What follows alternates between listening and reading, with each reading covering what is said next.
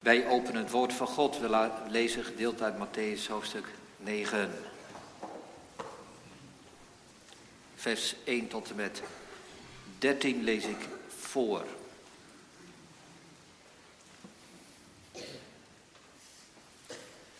Matthäus 9, vers 1 tot en met 13. Hier spreekt het woord van God en nadat hij in het schip gegaan was, voer hij over en kwam in zijn stad. En zie, bracht een verlamde bij hem die op een bed lag.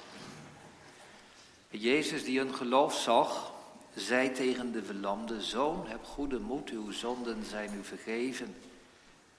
En zie, sommige van de schriftgeleerden zeiden bij zichzelf deze laster. God, Jezus, die een gedachten zag, zei: Waarom overweegt u verkeerde dingen in uw hart?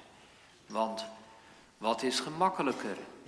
Te zeggen de zonden zijn u vergeven of te zeggen sta op en ga lopen.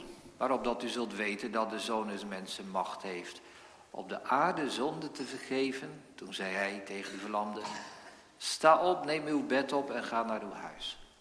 En hij stond op en ging naar zijn huis. Toen de menigte dit zagen, verwonderden ze zich en verheerlijkten God die zo'n macht aan de mensen gegeven had. En Jezus ging vandaar verder. En zag iemand in het tolhuis zitten die Matthäus heette. En hij zei tegen hem, volg mij. Hij stond op en volgde hem. Het gebeurde toen hij in het huis van Matthäus aanlag. Zie, veel tollenaars en zondaars kwamen en lagen met Jezus en zijn discipelen aan. En toen de fariseeën dat zagen, zeiden ze tegen zijn discipelen... Waarom eet uw meester met de tollenaars en zondaars? Maar Jezus die dat hoorde, zei tegen hen: Wie gezond zijn, hebben geen dokter nodig, maar wie ziek zijn. Waag heen en leer wat het betekent. Ik wil barmhartigheid en geen offer. Want ik ben niet gekomen om rechtvaardigen tot bekering te roepen, maar zondaars. Tot zover de lezing van de schrift.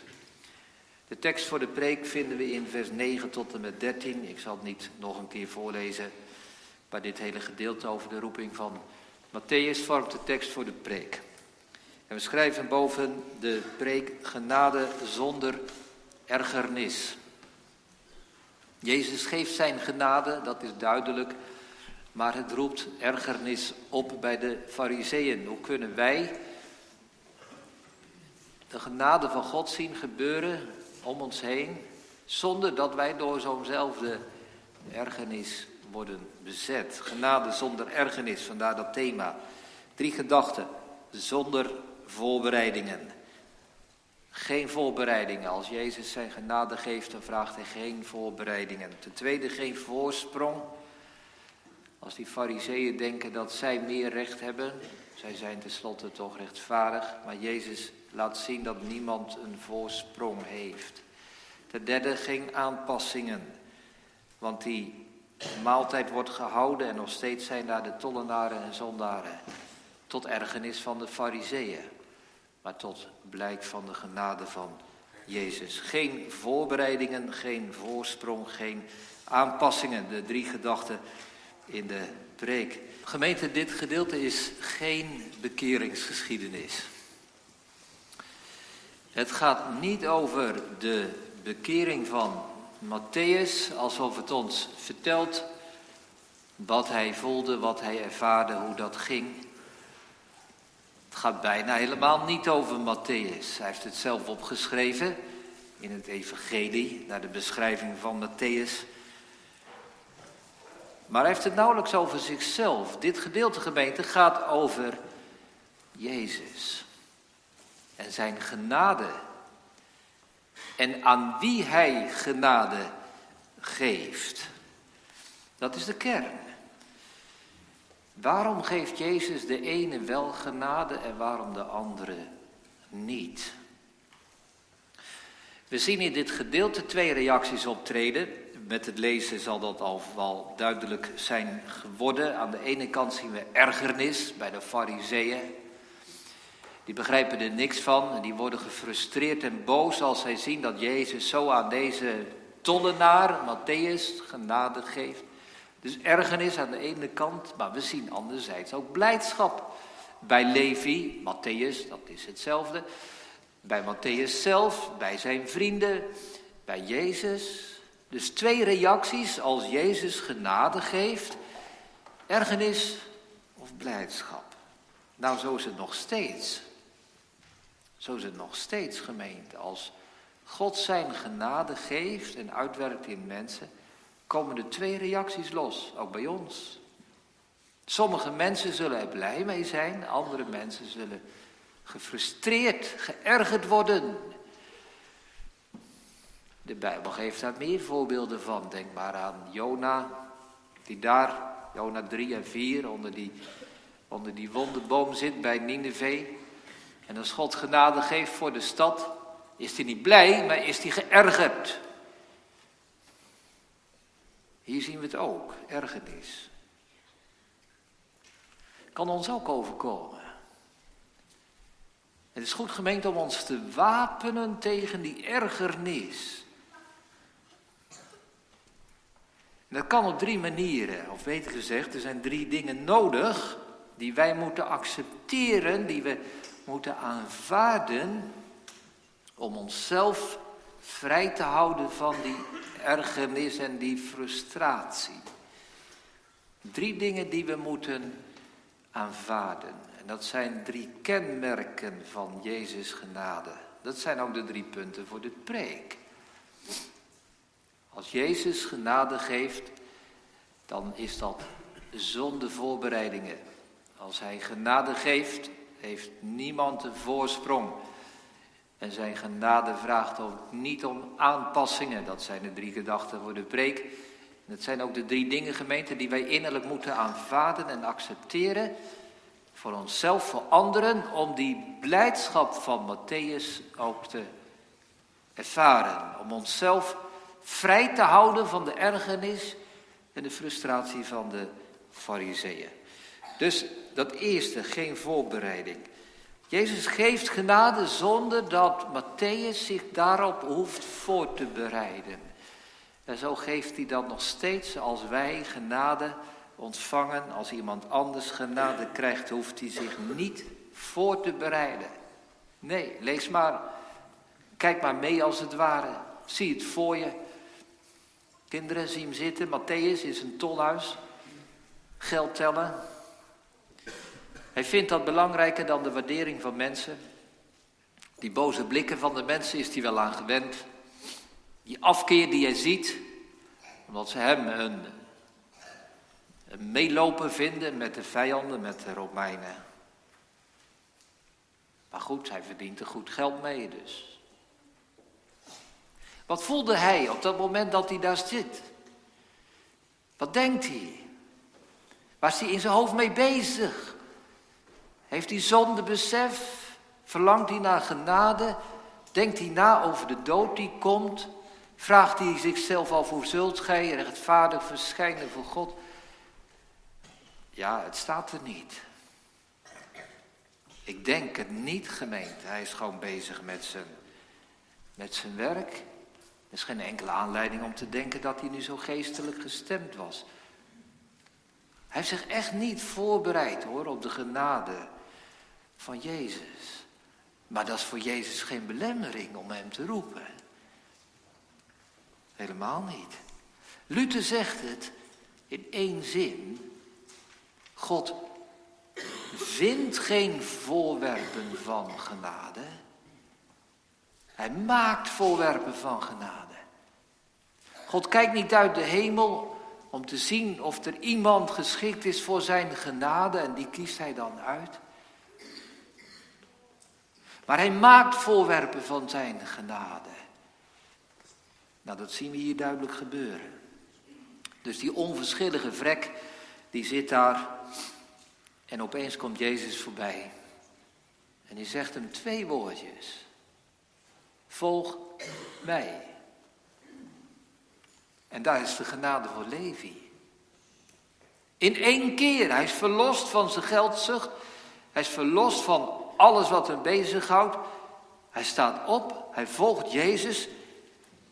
En de vreugde vervult zijn hart zonder enige voorbereiding op die genade vanaf zijn kant. Nou gemeente, ik kan, me wel, begrijpen, ik kan wel begrijpen hè, dat de mensen dit ergerlijk vinden. Dat ze gefrustreerd en boos worden. En dat ze denken, of dat wij denken, ja maar dit, dit, dit wordt toch goedkope genade. Jezus die smijt ermee. Hij geeft het die man, terwijl die, ja, waarom hij wel? Er staat toch in de Bijbel, we kunnen er nog een Bijbeltekst bij noemen ook. Geef het heilige niet aan de honden en werp je parelen niet voor de zwijnen. Ja, maar Jezus, wat doe je nu eens? Nu hier. Precies toch dat? Als we het eens vergelijken met dingen in onze tijdgemeente, dingen die kostbaar zijn, die schaars zijn, die zijn ook duur hè. Als er weinig gas is, gaat de gasprijs omhoog, weten we allemaal van. Als de benzine schaars is, gaat de prijs omhoog. Als er geen brood is, gaat de prijs omhoog. Zo werkt dat in de economie. Een schaarste economie, zeggen we dan. Een schaarste product, iets waar niet zoveel van is, wordt kostbaar en wordt duur. Nou ja, de genade is toch wel beperkt.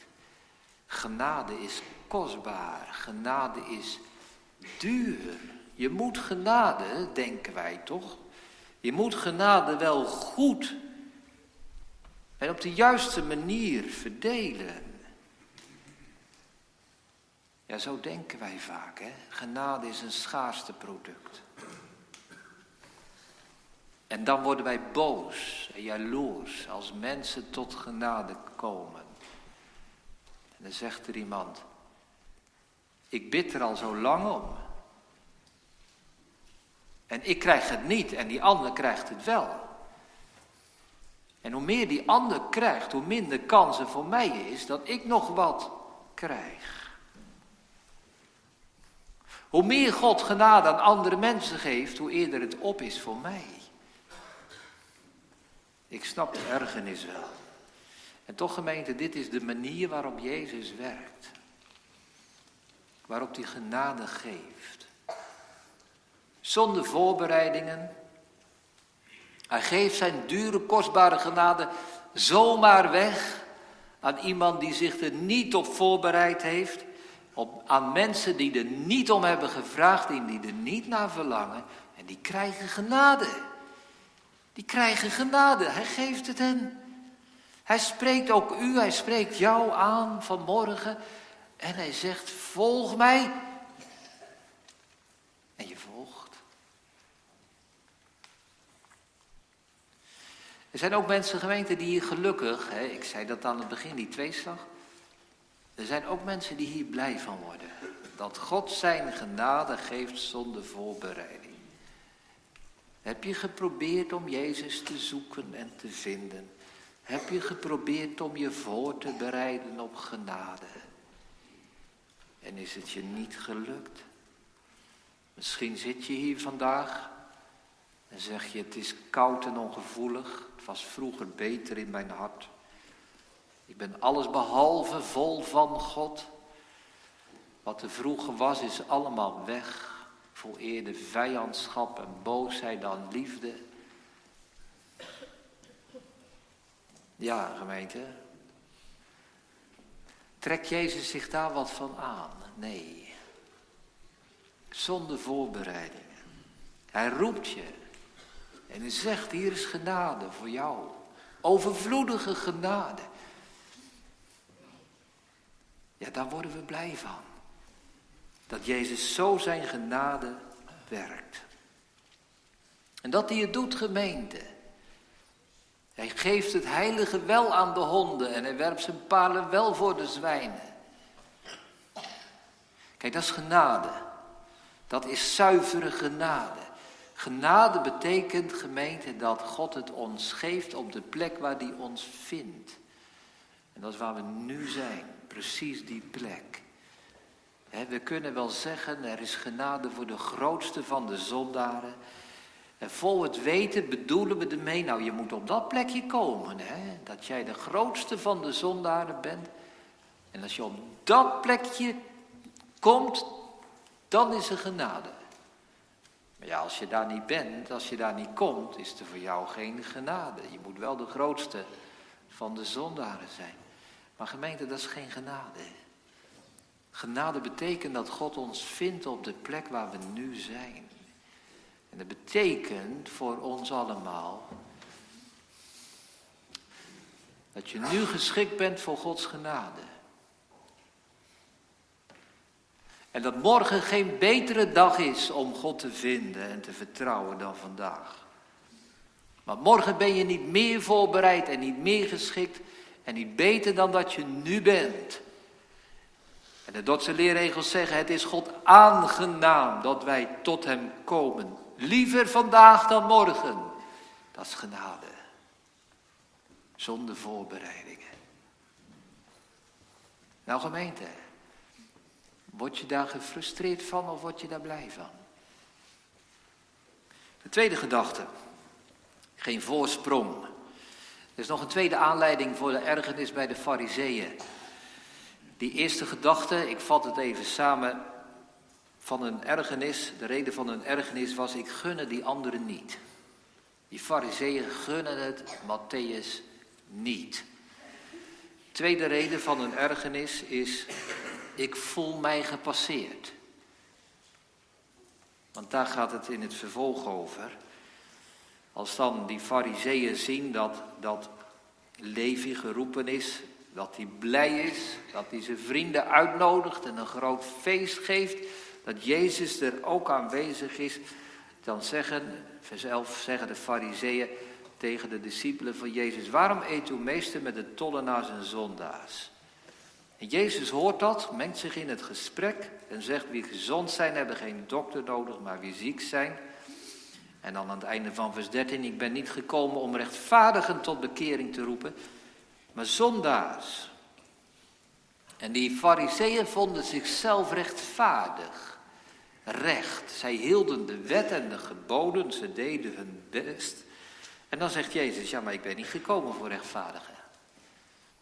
Jullie denken dat je een voorsprong hebt, want jullie zijn rechtvaardig. Maar er is geen voorsprong.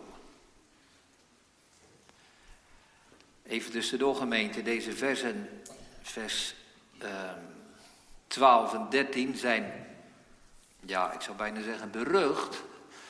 Omdat mensen er wel juist een voorwaarde in lezen en zeggen, zie je wel. Jezus is niet gekomen om rechtvaardigen te roepen, maar zondaars. Dus je moet, wel, je moet je wel een zondaar voelen. En anders is het niet voor jou. Nou, als je het zo leest, gemeente, dan, dan. De eerste die dan zou afvallen was Matthäus. Want Matthäus voelde zich geen zondaar. Jezus zegt niet: Ik ben geroepen om mensen. Ik ben niet gekomen om roepen mensen die zich zondaar voelen, maar die het zijn. Dus we kunnen dit vers niet gebruiken als toch zo'n voorwaarde als zo'n voorbereiding die van onze kant nodig is. Er staat eigenlijk het, tegenovergestelde. Want die fariseeën die zeiden, wij hebben een voorsprong. Als het gaat om genade van God en gunst van God, hebben wij fariseeën een voorsprong ten opzichte van andere mensen. Want wij zijn rechtvaardig, wij houden de wet, wij doen ons best. Levi niet, wij wel. Zij vullen hun dagen met bidden, vasten en aalmoezen, de drie grote dingen van de Joodse godsdienst. Matthäus 6 noemt ze alle drie. Bidden, vasten en aalmoezen geven. En als je dat goed doet, heb je wel meer kans op genade.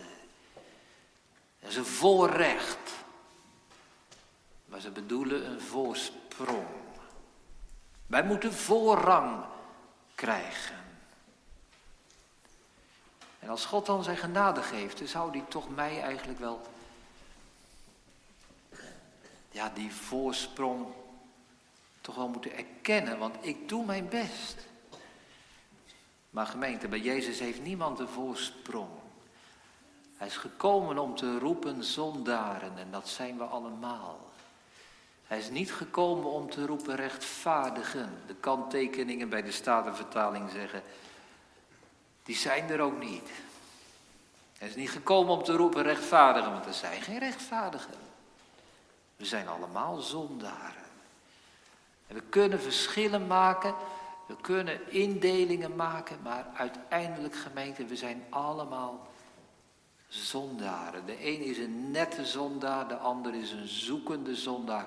De een is een oude zondaar, de ander is een jonge zondaar. Maar we zijn zondaren. We zijn gedoopte zondaar of ongedoopte zondaar.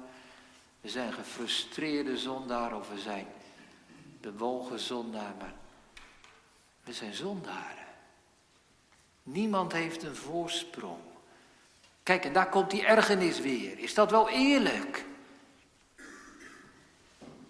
Misschien is er een ouder iemand hier en die zegt: Ik bid al mijn leven lang en ik heb het niet gekregen. Je voelt de ergernis bij jezelf.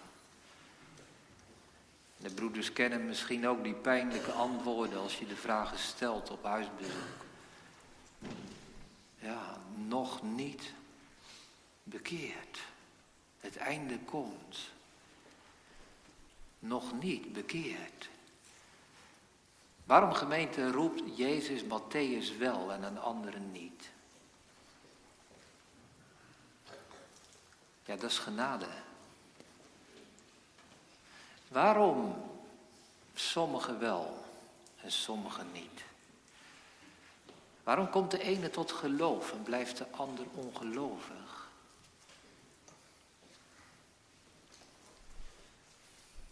Als voorrechten nu niets betekenen, als ik geen voorsprong kan hebben, is genade dan uiteindelijk niet oneerlijk? Is die frustratie niet terecht? Er zit toch iets heel willekeurigs in, in genade. Ja, velen krijgen genade. Ja, het zal een schare zijn die niemand tellen kan. Maar niet iedereen. Velen geroepen. Weinig uitverkoren. Hoe zit dat gemeente? Ja, laten we teruggaan naar de tekst. Laten we teruggaan naar de tekst. Want één ding gemeente, voor we er overheen lezen. Die ergernis van die fariseeën was niet Waarom krijgt Matthäus nu wel genade en wij niet? Waarom mag hij wel Jezus volgen? Waarom mogen wij hem niet volgen? Waarom wordt hij wel geroepen en waarom worden wij niet geroepen? Nou, inderdaad, Jezus roept geen rechtvaardigen, maar zondaren. En hij roept ook de fariseeën, want ook zij waren zondaren. En als u en als jij een zondaar bent, gemeente, dan roept hij jou. Jezus heeft nooit iemand verboden om hem te volgen. Dus als je vandaag het verlangen hebt om Jezus te volgen, volg hem. En dan zal je niet weigeren. Dus die frustratie hè, was niet bij de fariseeën. Wij zouden Jezus ook wel willen volgen, maar het mag niet. Ze wilden hem niet volgen. Ze wilden geen zondaar zijn. Nou, dit moeten wij ook aanvaarden. Ik heb gezegd, de drie gedachten zijn drie zaken, drie kenmerken van genade die wij moeten aanvaarden, accepteren. En anders komen wij ook in die ergernis. Aanvaard het gemeente, niemand heeft een voorsprong bij Jezus. Niemand, u ook niet, zij ook niet. Je bent niet meer dan een zondaar. Maar hij weigert ook niemand. Dat zeggen we erbij. En als wij hem niet volgen, moeten we Jezus niet de schuld geven. Want ieder mag hem volgen. En het is ook niet waar, gemeente, dat we dat moeten accepteren hè, voor jezelf. Ja, misschien ben ik er wel, misschien hoor ik er wel niet bij misschien ben ik niet uitverkoren, misschien is er geen genade voor mij. Dat staat nergens in de Bijbel hoor. Je mag hem volgen. En je mag bidden zoals die tollenaar dat gebeden heeft in die gelijkenis. God wees mij zondaar genadig. En er was genade. Er was genade voor hem. En zo kunnen wij delen in de vreugde van Levi. In plaats van in de ergernis van de fariseeën. Als we dit kenmerk van genade aanvaarden en omhelzen. Niemand heeft een voorsprong op genade. We gaan naar het derde punt. Geen aanpassingen. Er is nog een derde zaak, gemeente, die wij moeten accepteren. Om niet in de frustratie terecht te komen zoals de fariseeën. Er is nog een derde zaak die wij moeten aanvaarden om de vreugde en de blijdschap zelf te mogen ervaren die Levi heeft ervaren. Mijn derde punt, en misschien, gemeente, misschien is dit derde wel voor ons, Revo-mensen, de lastigste. We zien die feestzaal voor ons. Levi geeft een feest. In Lucas 5 staat dat erbij beschreven. Jezus is genodigd. Een feest omdat hij blij is. Omdat hij dankbaar is dat de genade voor hem is. Hij nodigt Jezus uit. Hij nodigt de discipelen uit. En wie nog meer? Ja, andere tollenaars zijn vrienden, zijn bekenden, zijn collega's, tollenaars en zondaars. Dus die zaal die zit vol. En midden tussen dat Gaius zit Jezus. Hij is daarbij. En die fariseeën die zien dat en die zeggen tegen de discipelen, waarom eet u meester met de tollenaars en zondaars? Dat kan toch niet?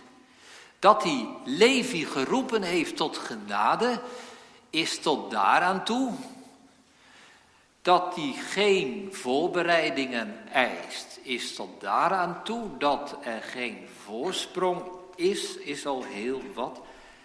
Maar die tollenaars en zondaars, het lijkt wel of ze ook gewoon tollenaar en zondaar kunnen blijven. Dat is het derde punt. Jezus vraagt geen aanpassingen.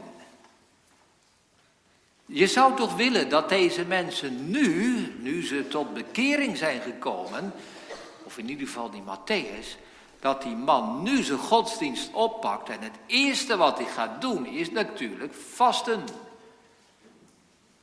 Geen eten, geen drinken. Dat doen wij ook, fariseeën, tweemaal per week. Maar moet je kijken wat voor stelletje mensen, ze eten en ze drinken. Ze vreten en ze zuipen. En Jezus ook, dat staat in de Bijbel, Matthäus 11. Hij is een vraat- en wijnzuiper. Hij vreet en hij zuipt. Als Levi echt bekeerd was, dan zou hij zich nu wel anders gaan gedragen. Dat is de derde ergernis. En ik zei gemeente dat dat voor ons nog wel eens een hele spannende kan zijn. Hoe gaan wij daar innerlijk mee om? Hè? Als er mensen van buiten de kerk komen, zijn ze welkom in de dienst. Zeker, natuurlijk. Maar als ze hier lid willen worden,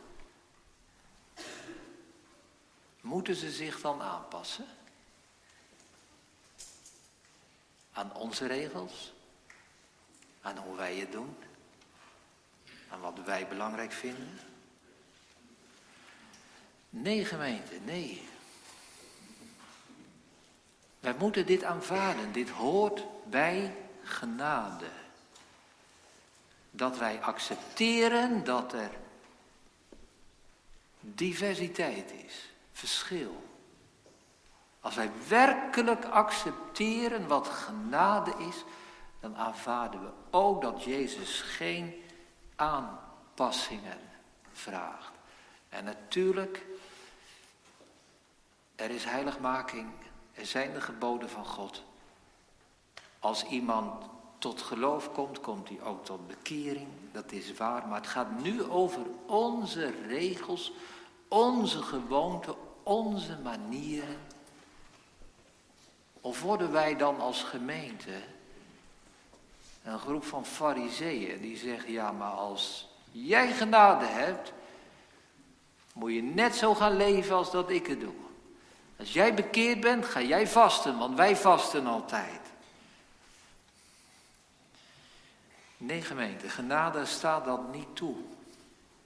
Hoe meer bekeerlingen er zijn, hoe diverser de gemeente wordt.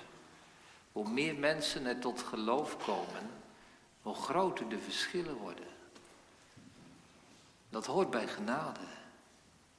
Want genade vraagt geen aanpassingen aan de sociale regels en de gewoonten.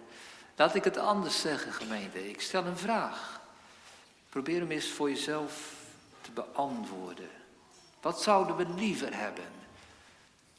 Een gemeente waarin iedereen hetzelfde denkt en hetzelfde doet en zich op dezelfde manier gedraagt. Heerlijk, nooit wrijvingen, nooit botsingen. Iedereen gedraagt zich op dezelfde manier. Wij komen geen bekeerlingen bij. Dat is de ene optie. Of zou je liever willen een gemeente met allemaal verschillende opvattingen en verschillende gedachten en verschillende gewoonten. En dan weer zijn we hierover aan het nadenken en dan komt dat weer aan de orde. Maar gelukkig, er komen mensen tot geloof en bekering. Er komen er steeds meer bij. Er worden mensen geroepen door twee woordjes van Jezus. Volg mij. En ze worden gevuld met blijdschap. Dat is het derde punt, gemeente, als wij ergernis willen voorkomen. Als we blij willen zijn over de genade van God, is dit het derde kenmerk van genade dat wij hebben te aanvaarden. Genade vraagt niet om aanpassingen aan allerlei bijkomende menselijke regeltjes. Ik ga afronden en ik kom weer terug op het begin van de preek, die twee reacties, frustratie of blijdschap. Vreugde of afgunst. Ergernis of bevrijding, een van beide. En uiteindelijk gemeente, daar ga ik mee afsluiten, want ik vind het toch heel belangrijk om dat te zeggen. Uiteindelijk gaat deze gebeurtenis over blijdschap. Wie gelooft, kent blijdschap. Wie geroepen is, mag blij zijn. Zoals Levi dat was.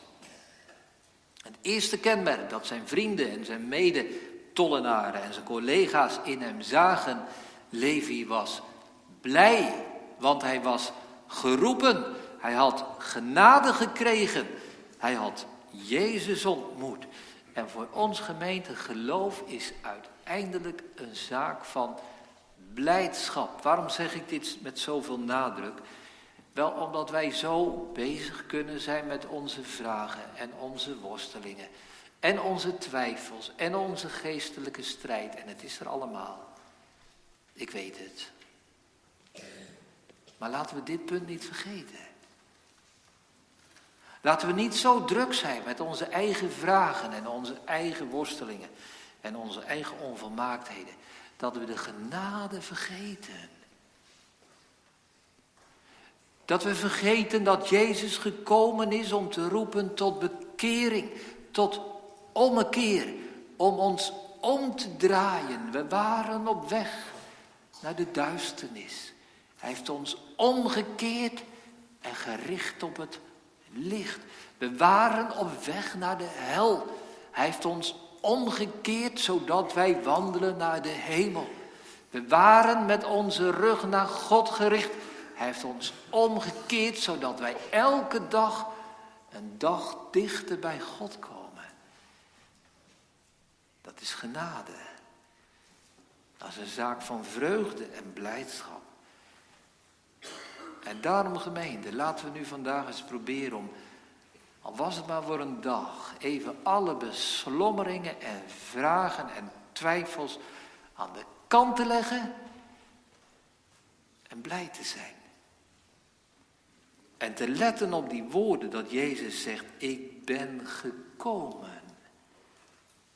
Hij is gekomen. Hij is gekomen, uit de hoge hemel neergedaald, om ons te zoeken en te vinden, om ons te roepen. Laten we blij zijn dat Jezus in ons leven langsgekomen is en je aangezien heeft en twee woordjes gesproken heeft. Volg mij. En dat het gebeurd is. Die genade onverdiend, zonder voorbereiding, zonder voorsprong. En dat je hem ging volgen. Laten we blij zijn dat hij niet rechtvaardiger roept. Want dan bleef het heel stil vandaag. Maar zondaren.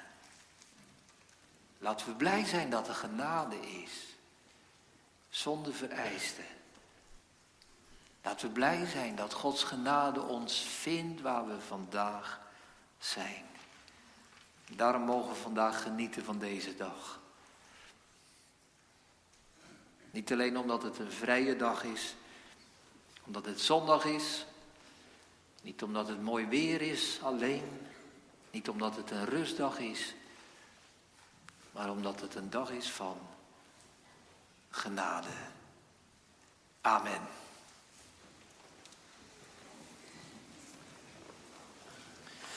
Wij zingen over de genade van God die mensen vindt, opzoekt en optilt. Psalm 113, vers 3 en 4. Wie is gelijk aan onze Heer, aan God die tot zijn eeuwig eer zijn troon gevest heeft in de hemel. En dan vers 4, wie is aan onze God gelijk die armen opricht uit het slijk. Vers 3 en 4 van Psalm 113.